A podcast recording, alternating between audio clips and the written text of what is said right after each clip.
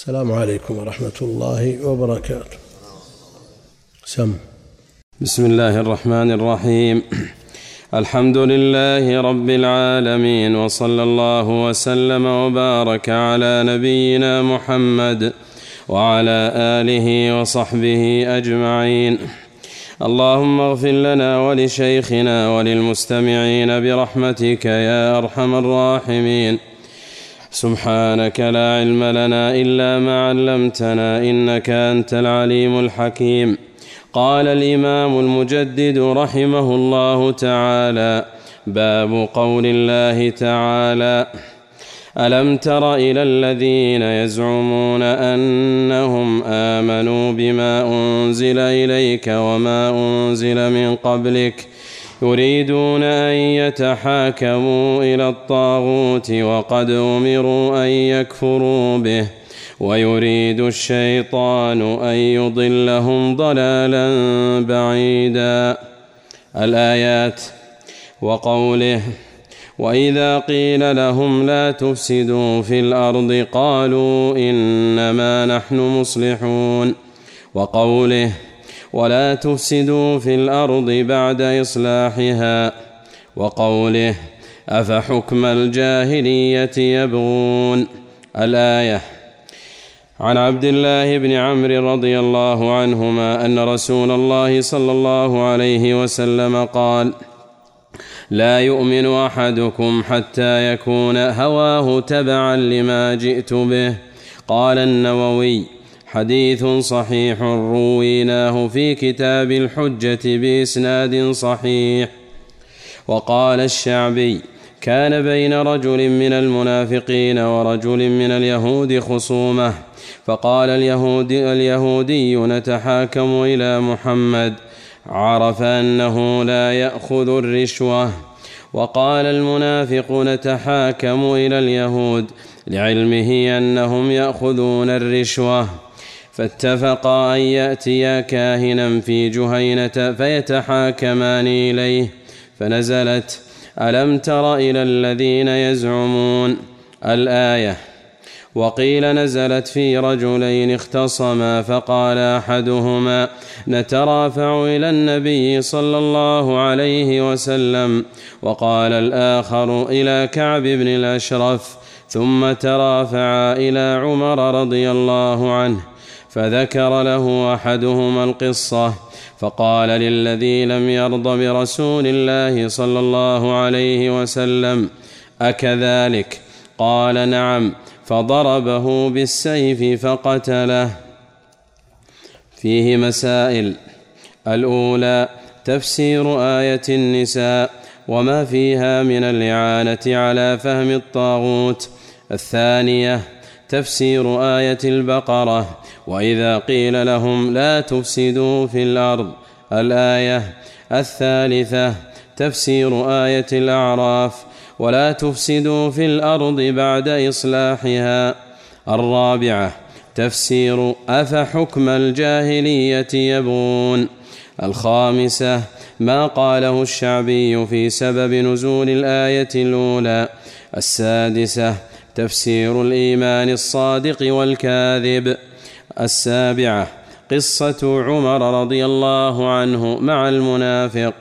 الثامنة كون الإيمان لا يحصل لأحد حتى يكون هواه تبعا لما جاء به تبعا لما جاء به الرسول صلى الله عليه وسلم. صل وسلم على عبدك اللهم صل الحمد لله رب العالمين صلى الله وسلم وبارك على عبده ورسوله نبينا محمد وعلى آله وأصحابه أجمعين. أما بعد فيقول الإمام المجدد رحمه الله تعالى باب قول الله تعالى ألم تر إلى الذين يزعمون؟ ألم تر إلى الذين يزعمون؟ أنهم آمنوا بما أنزل إليك وما أنزل من قبلك. تعبير بيزعمون يدل على أنها دعوة ومجرد زعم لا حقيقة له. وهذا الأصل والغالب في الزعم أنه إنما يطلق على الكلام الذي لا أصل له ولا حقيقة له. وإنما هو مجرد دعوة. وقد يطلق الزعم بمعنى القول. من الأول قول جرير زعم الفرزدق أن سيقتل مربعا. زعم الفرزدق أن سيقتل مربعا. أبشر بطول سلامة يا مربع. وقد يطلق الزعم ويراد به القول المحقق. وكثيرا ما يقول سيبويه في كتابه زعم الخليل ويصد ويوافقه. السياق يدل على أن الزعم هنا بمعنى القول. يعني قال الخليل ليس معنى الزعم الذي هو مجرد الدعوة بدليل أنه يوافقه على زعمه. وهنا المعنى الأول وهو الكثير الغالب في إطلاق الزعم. ولذا قيل بئس مطية القوم زعموا. بئس مطية القوم زعموا. يزعمون يعني يدعون أنهم آمنوا بما أنزل إليك وما أنزل من قبلك. يعني آمنوا بألسنتهم. وقلوبهم منكرة. وهم المنافقون. والمنافق الذي يظهر الإيمان ويزعم الإيمان ويدعي أنه مؤمن ويبطن الكفر. ويبطن الكفر. هذا هو المنافق ويطلق في عرف المتأخرين على الزنديق على الزنديق. يزعمون أنهم آمنوا بما أنزل إليك وما أنزل من قبلك. ما الذي يكذب دعواهم؟ يريدون أن يتحاكموا إلى الطاغوت. يريدون أن يتحاكموا إلى الطاغوت وقد أمروا أن يكفروا به.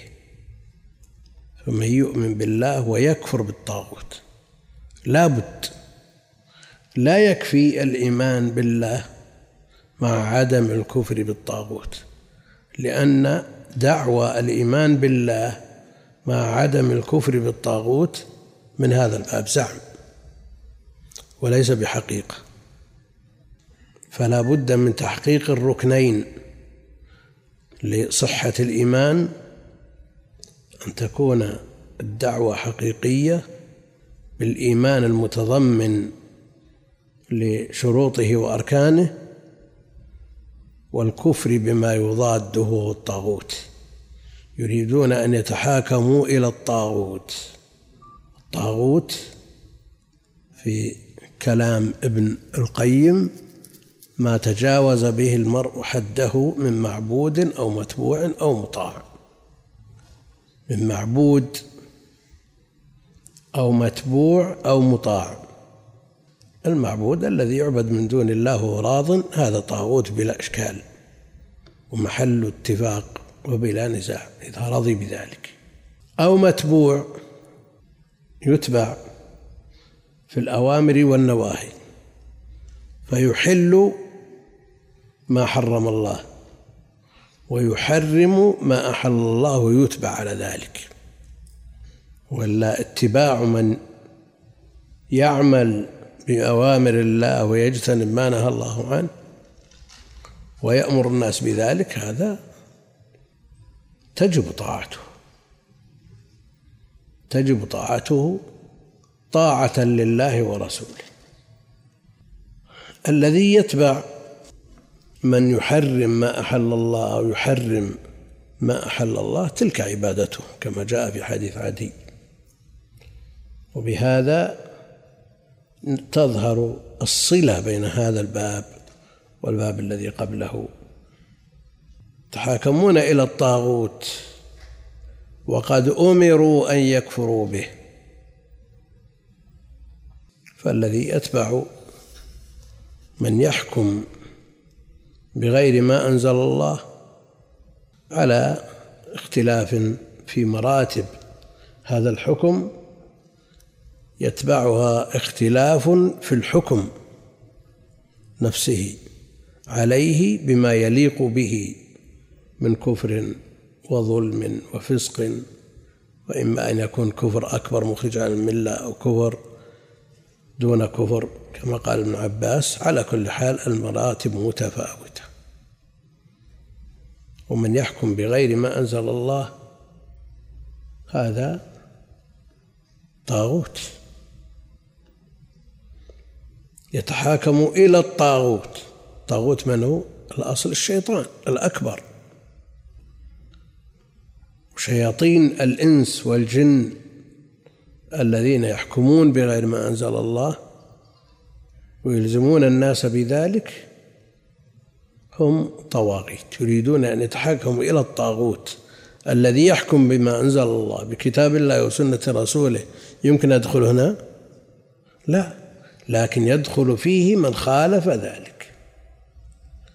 وقد أمروا أن يكفروا به ويريد الشيطان أن يضلهم ضلالا بعيدا. يريد الشيطان أن يضلهم ضلالا بعيدا. الشيطان يريد أن يضل الناس كلهم. وأقسم أن يغوي الناس أجمعين. وكل من يفعل شيئا لا سيما مثل الشيطان الذي حكم عليه بدخول النار وحرمت عليه الجنة وأنه مخالد مخلد فيها يريد أن كل الناس معه.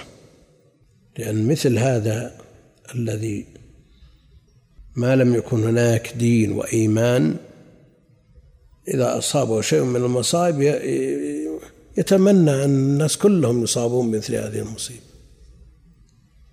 يتمنى أن يصاب الناس كلهم بهذه المصيبة. والشيطان حكم عليه بالخلود الأبدي في النار في العذاب المقيم.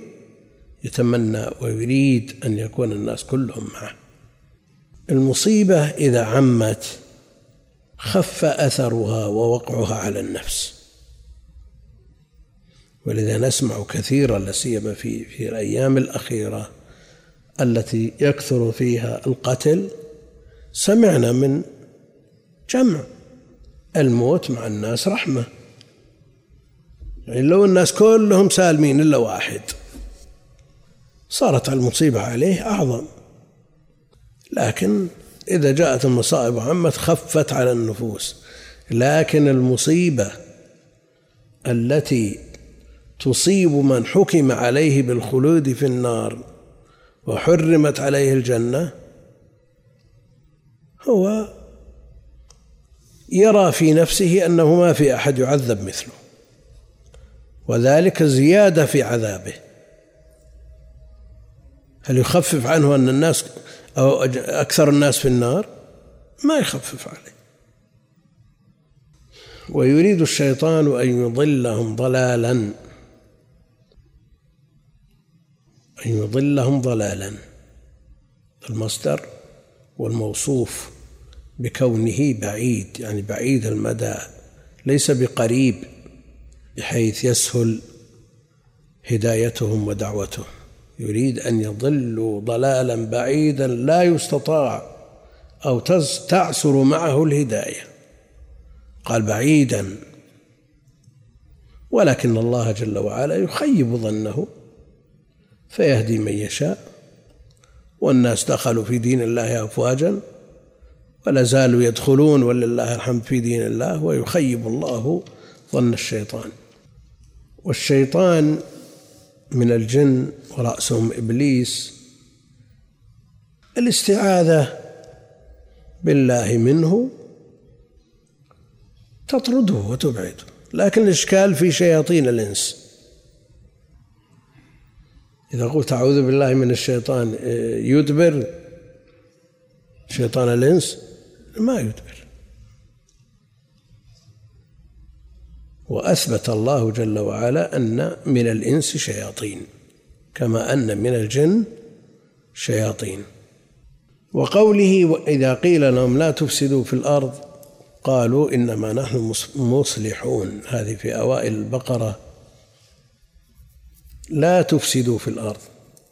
قالوا إنما نحن مصلحون والفساد في الأرض يكون حسيا ومعنويا.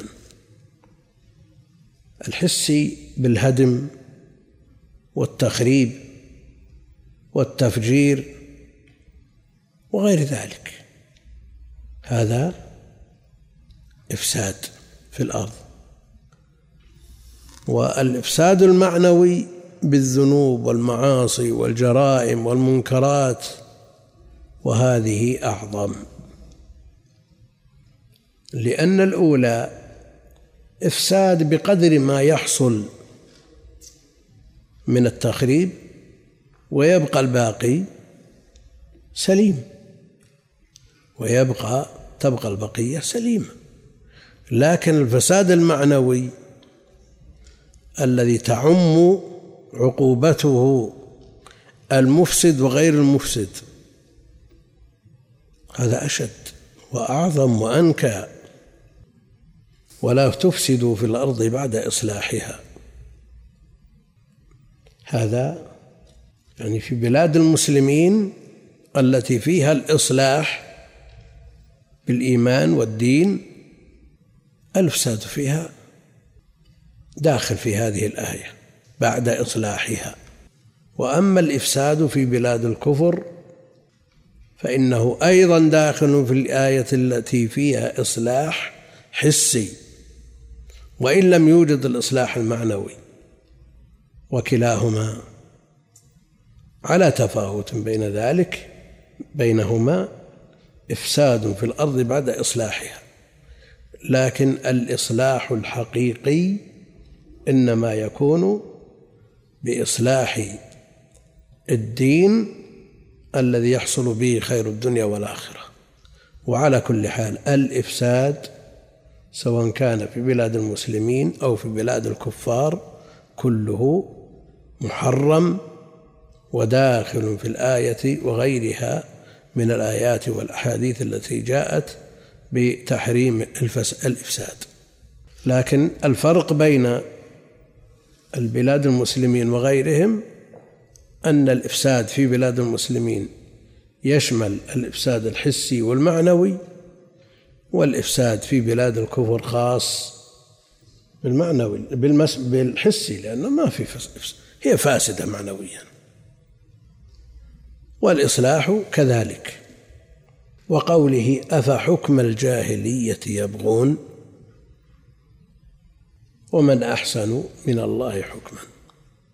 أفحكم الجاهلية يبغون استفهام إنكاري؟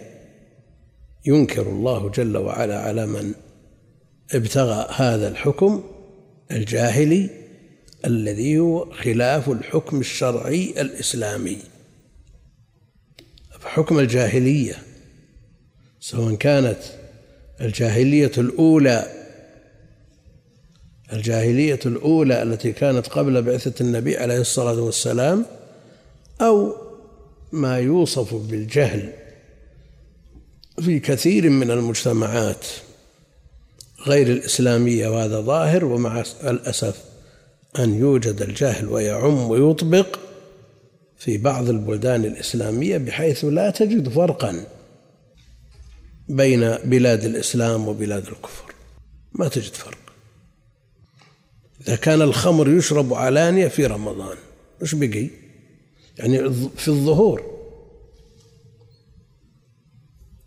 الكفار بش يسوون أعظم من هذا.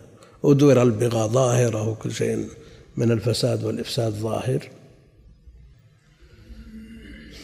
أفحكم الجاهلية يبغون؟ ومن الناس من يطالب وينادي بتطبيق الأحكام الوضعية ونجحوا في كثير من الأقطار الإسلامية.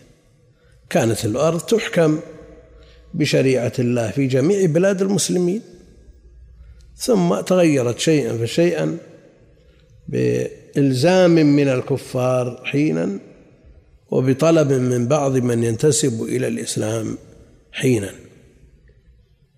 ولما جاء التتار شنكيز خان وغيره من من تبعه وتيمور الذي زعم أنه دخل في الإسلام طبقوا شريعتهم وجمعوا القوانين من اليهودية والنصرانية ومن اجتهاداتهم وأضافوا إليها بعض الأحكام من الشريعة الإسلامية في كتاب سموه الياسق. وذكره الحافظ بن كثير في تفسيره. هذه أحكام الجاهلية وما زالت هذه الأحكام تتوارث وقد تستبدل بمثلها من أحكام البشر إلى يومنا هذا في كثير أو في أكثر الأقطار الإسلامية وفي أكثر الأبواب التي يحتاجها إليها المسلمون في حياتهم. وبعضهم أبقى في قوانينه الأحوال الشخصية وبعضهم من أتى عليها كغيرها. هذا حكم الجاهلية. فحكم الجاهلية يبغون ومن أحسن من الله حكما. لا أحد أحسن من الله حكما. ثم قال رحمه الله عن عبد الله بن عمرو رضي الله تعالى عنه أن رسول الله صلى الله عليه وسلم قال لا يؤمن أحدكم حتى يكون هواه تبعا لما جئت به. الهوى ما تميل إليه النفس. الهوى ما تميل إليه النفس. بالقصر. بخلاف الهواء بالمد مش هو الهواء بالمد. الريح. الريح. ولذلك اختبرون لما كنا في المرحلة الابتدائية في الإملاء يقول اكتب كفيت شر الهوى ولولا الهواء ما عاش أحد ما بينهم فرق؟ في الكتابة بينهم فرق. ما زلنا نحفظ هذا من تلك الأيام. فالهوى ما تميل إليه النفس وترتاح إليه وتطلبه. لا يؤمن أحدكم من المخاطبين وفي حكمهم من جاء بعدهم حتى يكون هواه تبعا لما جئت به. تبعا لما جئت به. يميل مع ما جاء عن الله وعن رسوله. ويتبع ما جاء عن الله وعن رسوله ولو خالف من خالف. ها؟ على حسب ما يتبعه من هوى. لأن ما يتبعه من الهوى متفاوت. قد يميل بشيء يسير وقد يميل بشيء أكثر وقد يميل عن الدين كله. قال النووي هذا من الأحاديث حديث النووي الأربعين النووية. وقد اشترط في مقدمتها ألا يذكر إلا شيئا مما يحتج به. قال النووي حديث صحيح. رويناه في كتاب الحجة بإسناد صحيح. رويناه أو رويناه ابن الصلاح يرى أنه إذا كان فيه بين الناقل والمنقول عنه مفاوز في في الإسناد يقول رويناه وإذا كان الزمن يسير أو في سند متصل إلى من قال الكلام قال رويناه. في كتاب الحجة على تارك المحجة لأبي الفتح المقدسي.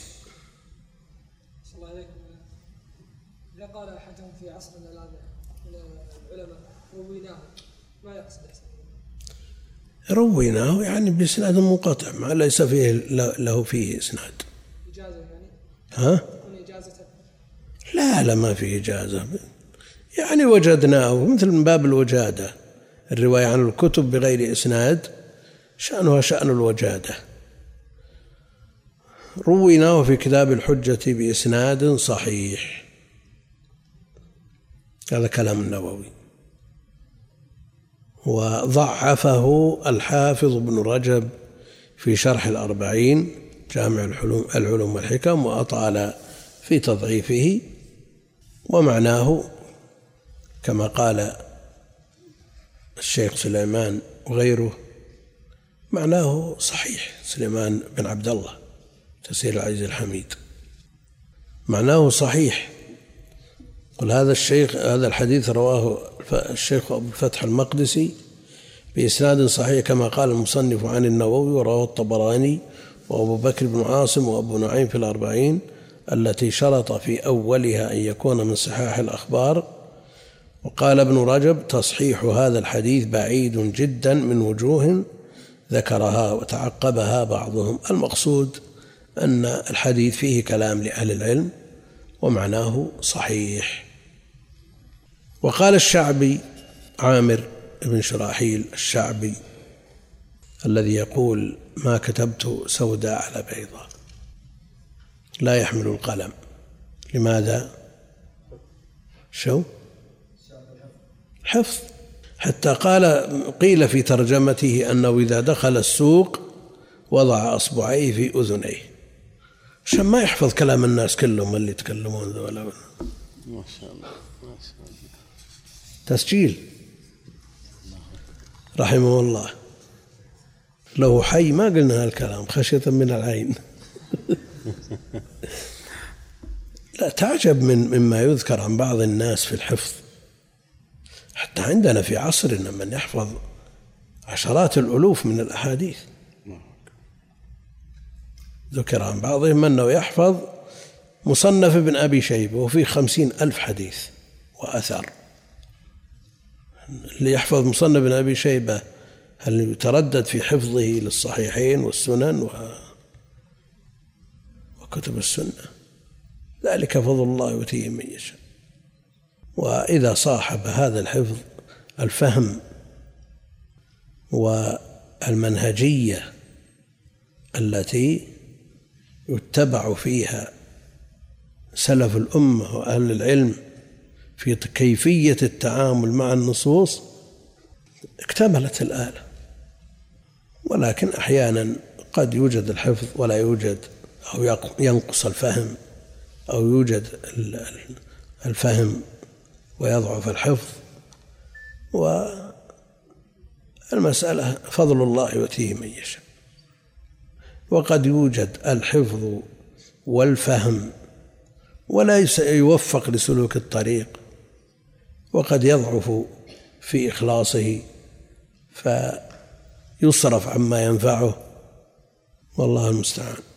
وقال الشعبي كان بين رجل من المنافقين ورجل من اليهود خصومة. يقول وقال الشعبي كان بين رجل من المنافقين ورجل من اليهود خصومة. فقال اليهودي نتحاكم إلى محمد. ما قال الرسول لأنه لا يؤمن به فدعاه باسمه.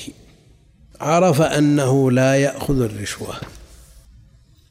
الرسول عليه الصلاة والسلام لعن الراشي والمرتشي والرائش الوسيط بينهم. فقال اليهودي نتحاكم إلى محمد لأنه يعرف من وصفه في كتابهم أو مما اشتهر عنه عليه الصلاة والسلام أنه لا يأخذ الرشوة. أخذ الرشوة بلية ومصيبة وكارثة. أفسدت دنيا الناس ولذلك استحق باذلها وآخذها اللعن. كيف تستقيم الأمور وتنتظم أحوال الناس والرشوة قائمة؟ لا تستقيم أحوال الناس. الشخص الذي يريد كسب الحلال ثم يطلب منه رشوة إذا أراد أن يشرع في مشروع تجاري أو معماري أو شيء إما أن يرتكب اللعنة ويترك فلا تستقيم الأمور. اليهودي يعرف أن الرسول عليه الصلاة والسلام لا يأخذ الرشوة وسوف يحكم بالحق بالعدل بالإنصاف. وقال المنافق بيبذل رشوة المنافق لأنه يريد أخذ مال غيره. وقال المنافق نتحاكم إلى اليهود.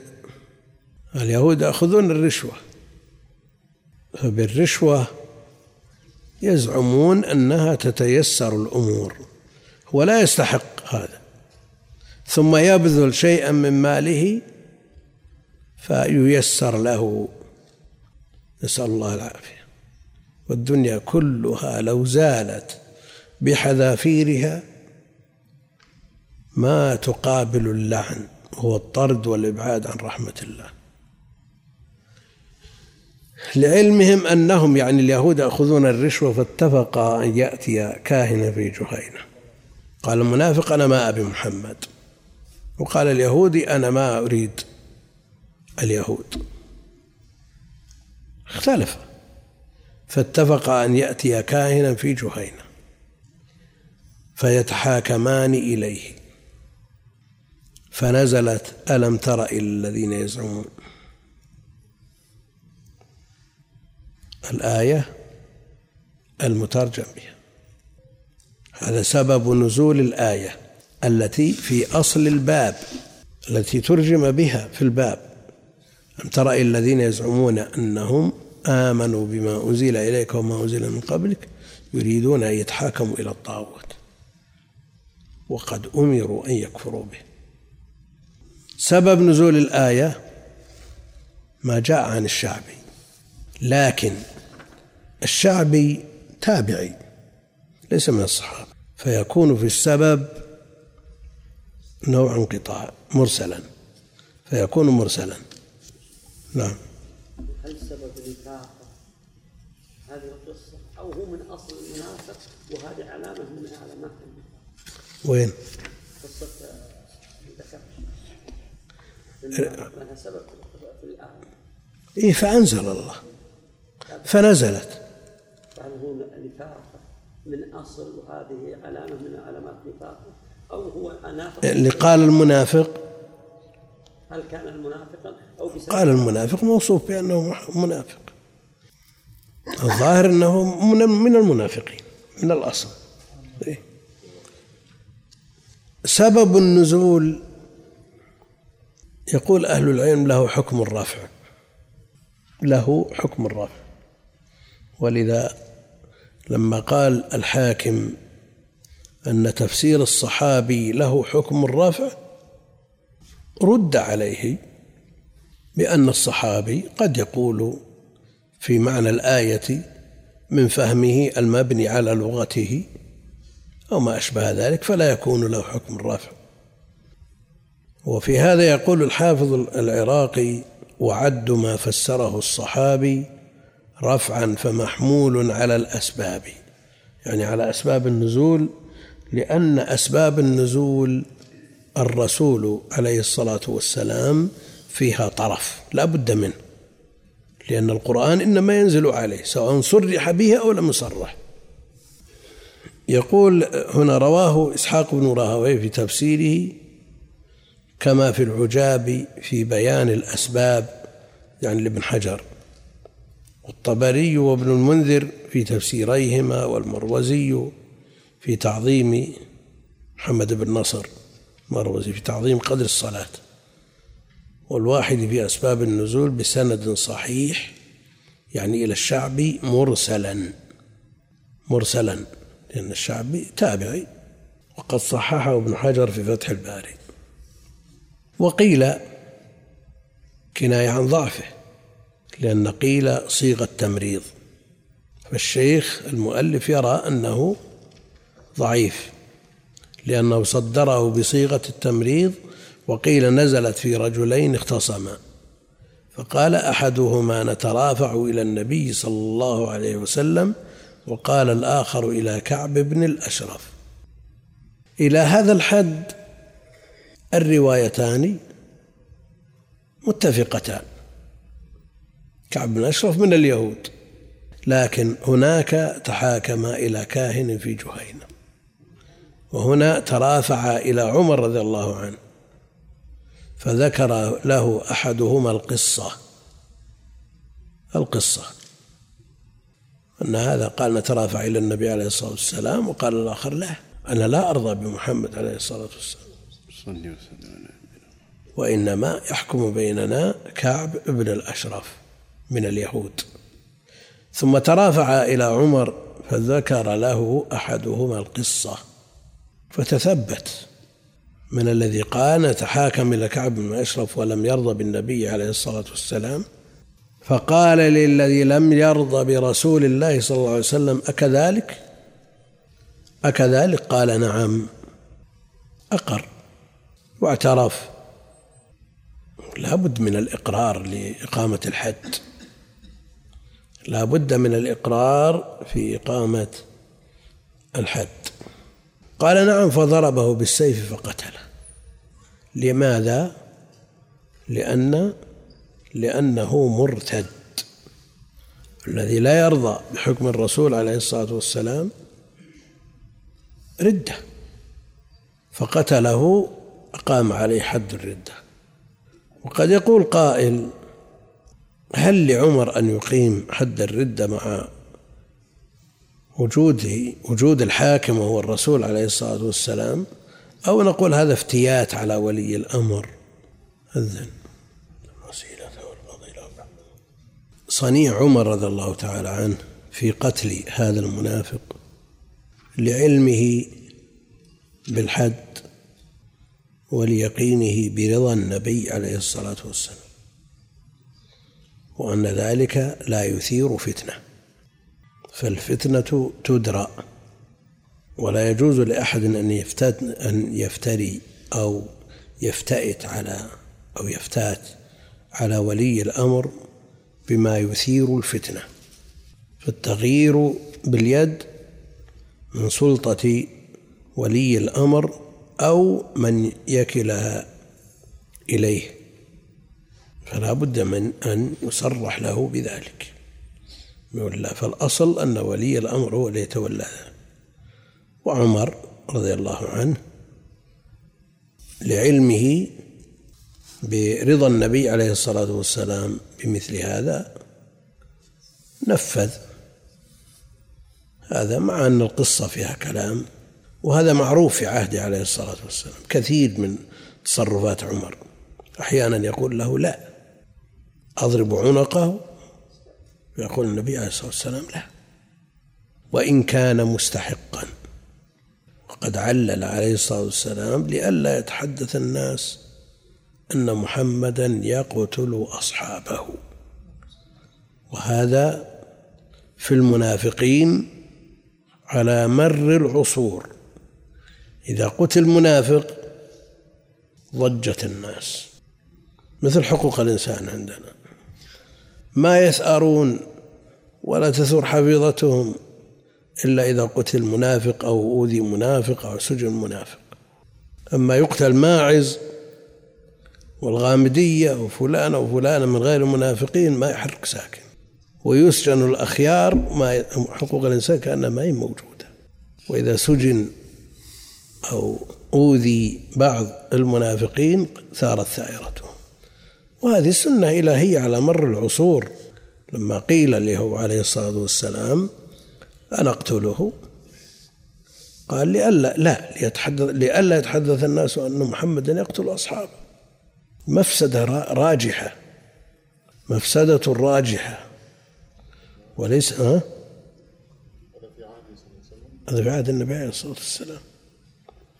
يقول الشيخ سليمان بن عبد الله ابن, ابن الشيخ محمد بن عبد الوهاب في تيسير العزيز الحميد فيه جواز تغيير المنكر باليد وإن لم يأذن فيه الإمام وكذلك تعزير من فعل شيئا من المنكرات التي يستحق عليها التعزير. لكن إذا كان الإمام لا يرضى بذلك وربما أدى إلى وقوع فرقة أو فتنة فيشترط إذنه يقول في التعزير فقط يعني دون إنكار المنكر مع أنه كذلك. تغيير باليد والإنكار باليد من سلطة ولي الأمر أو إلى من وكلها إليه أو لمن طولب بها في قوله عليه الصلاة والسلام من رأى منكم منكرا فليغيره بيده إذا لم يترتب على ذلك مفسدة أعظم أيهما شر ها؟ أيهما شر حال الشخص الذي يطلب من يحكم له بغير ما أنزل الله أو من يباشر الحكم بغير ما أنزل الله؟ الذي يباشر الحكم بغير ما أنزل الله. يعني تبي هذا ديدن وهذا عمل وقاضي إلا على ذلك؟ ويحكم بغير ما أنزل الله في في كل الأشياء؟ لا أنا أقصد أن هذه حادثة واحدة لهذا الرجل فحكم عليه. إيه؟ فهل يقال في من حكم بغير ما أنزل الله لو حكم في مسألة واحدة فإنه يدخل في هذا لأنها أشد حال من إلا لا حكم بغير ما أنزل الله. تعرف أحكامه تختلف. تختلف. وإذا كان من نوع الكفر دون الكفر فإنه لا يستوجب قتل. كما هو معلوم.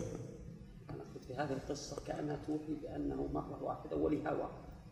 هو لم يقصد أن النبي صلى الله عليه وسلم حكمه آه، غير الحق لكن يريد بها الهوى ولهذا البحث عن اليهود لأنهم يقرون لا. لأنه رد حكم الرسول عليه الصلاة والسلام ولم يرضى بحكمه عليه الصلاة والسلام واستبدله بحكم اليهودي.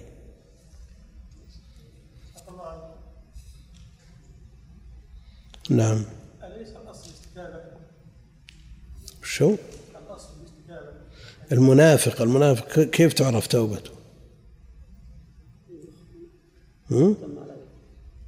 المنافق ما يمكن تعرف توبته جمهور أهل العلم على أنه لا يستتاب ها؟ الافتيات على ولي الأمر هو ما فيه إلا أن المفسدة راجحة بحيث تكون المسألة فوضى كل من أراد أن ينفذ نفذ وقد يقتل لغرض شخصي فيقول سمعته يقول كذا. فتضيع الأمور. الآن لو أن شخصا استدرج آخر. قال عندي لك الليلة عشاء محفوف ما فيه إلا أنت. صدقه ودخل إلى بيته. ثم قال له أنا اشتريت غرفة نوم ودي أستشيرك عليها. كانت صالحة ثم أدخله إلى غرفة نومه فقتله.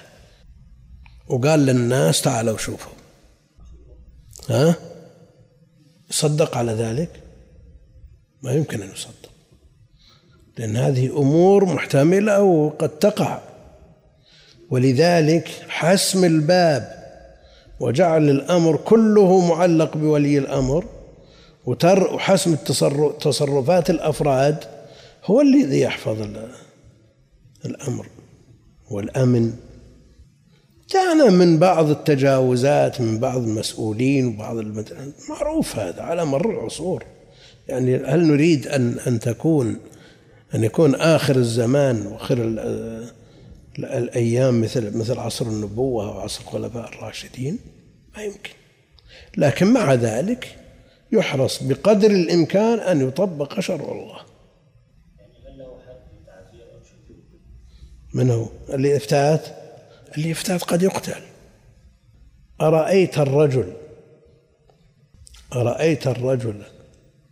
فوق يجد الرجل فوق امرأته أيقتله فتقتلونه؟ قال نعم. ولو كان محصن. وحده القتل الرجم.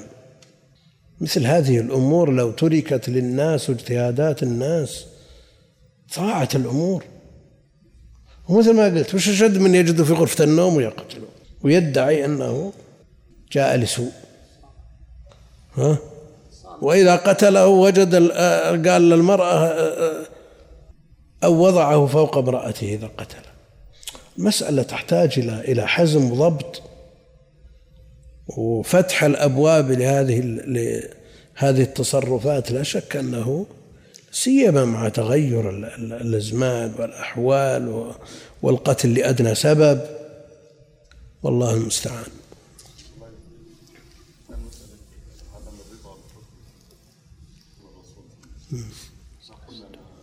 فلا وربك فلا وربك لا يؤمنون. حتى يحكموك فيما شجر بينهم ثم لا يجدوا في أنفسهم حرجا مما قضيت ويسلموا تسليما شو شو أزود من هذا؟ ها؟ لا المسألة مثل ما قلنا في حكم في أصل الحكم بغير ما أنزل الله وله مراتب ودرجات والعلماء بينوها حكم عليه لأنه يعرفه يعرفه عمر. ها؟ اي الظلم كمن اسر عند وعرف ان جنوده والله المسألة تتفاوت. بعضهم يطلق وينقل عن شيخ الإسلام أنه إذا كان لاستخلاص حق أنها تجوز والرشوة المحرمة إذا كانت لجلب باطل أو ظلم أحد. لكن فتح الباب بهذه الطريقة ما ليس بمناسب. وين؟ تقع كثيرا. وتقع في القليل والكثير. ومشكلتنا أن المجتمعات يعيث فيها هذا السوس والفساد في الأرض. وبكثرة. ولا يمكن أن يقطع دابرها إلا بحسم المادة. وفتح الباب أنك إذا كنت مظلوم إذا تأخر الفسح تعطي الموظف البلدي ويمشيك هذا اللي هذا اللي يفسد الأمور. هو من حقك أن يفسح لك. هم حتى في أمور الدنيا وسعوها. يقول رحمه الله فيه مسائل الأولى تفسير آية النساء المترجم بها وما فيها من الإعانة على فهم الطاغوت وهذا مر في تفسيرها. ثاني تفسير آية البقرة وإذا قيل ما تفسدوا في الأرض. والثالثة تفسير آية الأعراف ولا تفسدوا في الأرض بعد إصلاحها. وكل هذا مر بيانه. الرابعة تفسير آه، أفحكم الجاهلية يبغون. الخامسة ما قاله الشعبي في سبب نزول الآية الأولى. السادسة تفسير الإيمان الصادق والكاذب. يزعمون أنهم آمنوا. يزعمون. وهذا الزعم يكذبه الواقع. فهو إيمان كاذب. أما الإيمان الصادق الذي هو إيمان بالله مقرون بالكفر بالطاغوت. سابع قصة عمر مع المنافق وقتله إياه لأنه مرتد. الثامنة كون الإيمان لا يحصل لأحد حتى يكون هواه تبعا لما جاء به الرسول عليه الصلاة والسلام. وهذا في الحديث السابق الذي فيه الكلام الذي سمعتم لأهل العلم ومعناه كما قال أهل العلم صحيح والله أعلم وصلى الله وسلم على نبينا محمد وعلى آله وصحبه أجمعين. كفر دون كفر يؤخذ به ما يؤخذ به لكن إذا إذا اعتقد أن أن حكم الله لا يصلح ولا يصلح الناس أو أن حكم غير الله أكمل من حكم الله أو ما أشبه ذلك هذا كفر مخرج من